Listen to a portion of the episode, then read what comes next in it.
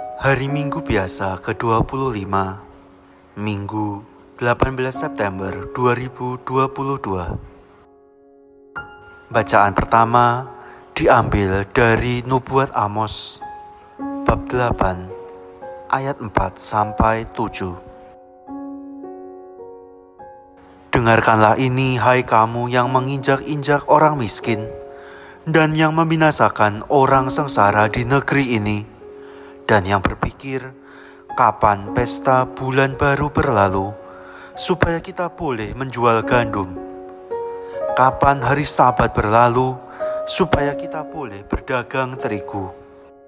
Kita akan memperkecil takaran, menaikkan harga, dan menipu dengan neraca palsu. Kita akan membeli orang papa karena uang dan membeli orang miskin karena sepasang kasut kita akan menjual terigu tua. Beginilah Tuhan telah bersumpah demi kebanggaan Yakub. Aku tidak akan melupakan untuk seterusnya segala perbuatan mereka. Demikianlah sabda Tuhan.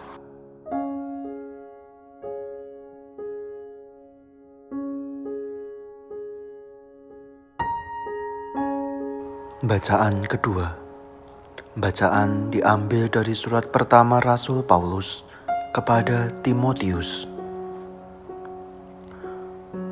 Saudaraku yang terkasih, pertama-tama aku menasihatkan, panjatkanlah permohonan, doa syafaat, dan ucapan syukur kepada Allah bagi semua orang, bagi pemerintah dan penguasa agar kita dapat hidup aman dan tentram dalam segala kesalehan dan kehormatan. Itulah yang baik dan berkenan kepada Allah penyelamat kita. Ia menghendaki agar semua orang diselamatkan dan memperoleh pengetahuan akan kebenaran. Allah itu Esa, dan Esa pula Dia yang menjadi pengantara Allah dan manusia yaitu manusia Kristus Yesus. Ia telah menyerahkan diri sebagai tebusan bagi semua orang, suatu kesaksian pada waktu yang tepat. Untuk kesaksian itulah aku telah ditetapkan sebagai pewarta dan rasul. Yang kukatakan ini benar, aku tidak berdusta aku ditetapkan sebagai pengajar orang-orang bukan Yahudi dalam iman dan kebenaran. Oleh karena itu, aku ingin agar di mana pun kaum laki-laki berdoa dengan menadakan tangan yang suci, tanpa kemarahan dan perselisihan. Demikianlah sabda Tuhan.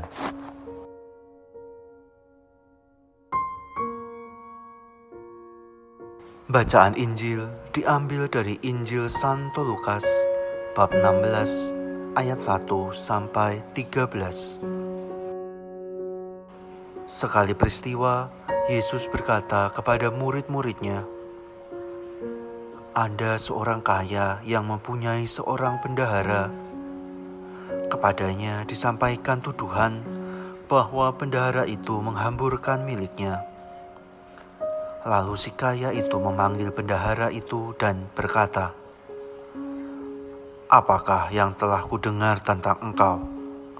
Berilah pertanggungjawaban atas urusanmu, sebab engkau tidak boleh lagi bekerja sebagai bendahara. Berkatalah bendahara itu di dalam hatinya, Apakah yang harus kuperbuat? Tuanku memecat aku dari jabatanku sebagai bendahara. Mencangkul aku tidak dapat, mengemis aku malu. Aku tahu apa yang akan aku perbuat, supaya apabila aku dipecat dari jabatanku sebagai bendahara, ada orang yang akan menampung aku di rumah mereka. Lalu bendahara itu memanggil satu demi satu orang yang berhutang kepada tuannya. Katanya kepada yang pertama, "Berapakah hutangmu kepada tuanku?" Jawab orang itu, seratus tempayan minyak. Lalu kata bendahara itu kepadanya, Inilah surat hutangmu, duduklah dan buatlah surat hutang lain sekarang juga. Lima puluh tempayan. Kemudian ia berkata kepada yang kedua, Dan saudara, berapakah hutangmu? Jawab orang itu, seratus pikul gandum. Katanya kepada orang ini, Inilah surat hutangmu, buatlah surat hutang lain, delapan puluh pikul. Bendahara yang tidak jujur itu dipuji oleh tuannya, karena ia telah bertindak dengan cerdik sebab anak-anak dunia ini lebih cerdik terhadap sesamanya daripada anak-anak terang. Maka aku berkata kepadamu, ikatlah persahabatan dengan mempergunakan mamon yang tidak jujur, supaya jika mamon itu tidak dapat menolong lagi, kamu diterima di dalam kemah abadi.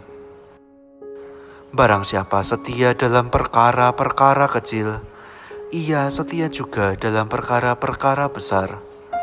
Dan barang siapa tidak benar dalam perkara-perkara kecil, ia tidak benar juga dalam perkara-perkara besar. Jadi, jika kamu tidak setia dalam hal mamon yang tidak jujur, siapakah yang akan mempercayakan harta sejati kepadamu? Dan jika kamu tidak setia dalam harta orang lain, siapakah yang akan menyerahkan harta hartamu sendiri kepadamu? Seorang hamba tidak dapat mengabdi kepada dua tuan, karena jika demikian, ia akan membenci yang seorang dan mengasihi yang lain, atau ia akan setia kepada yang seorang dan tidak mengindahkan yang lain.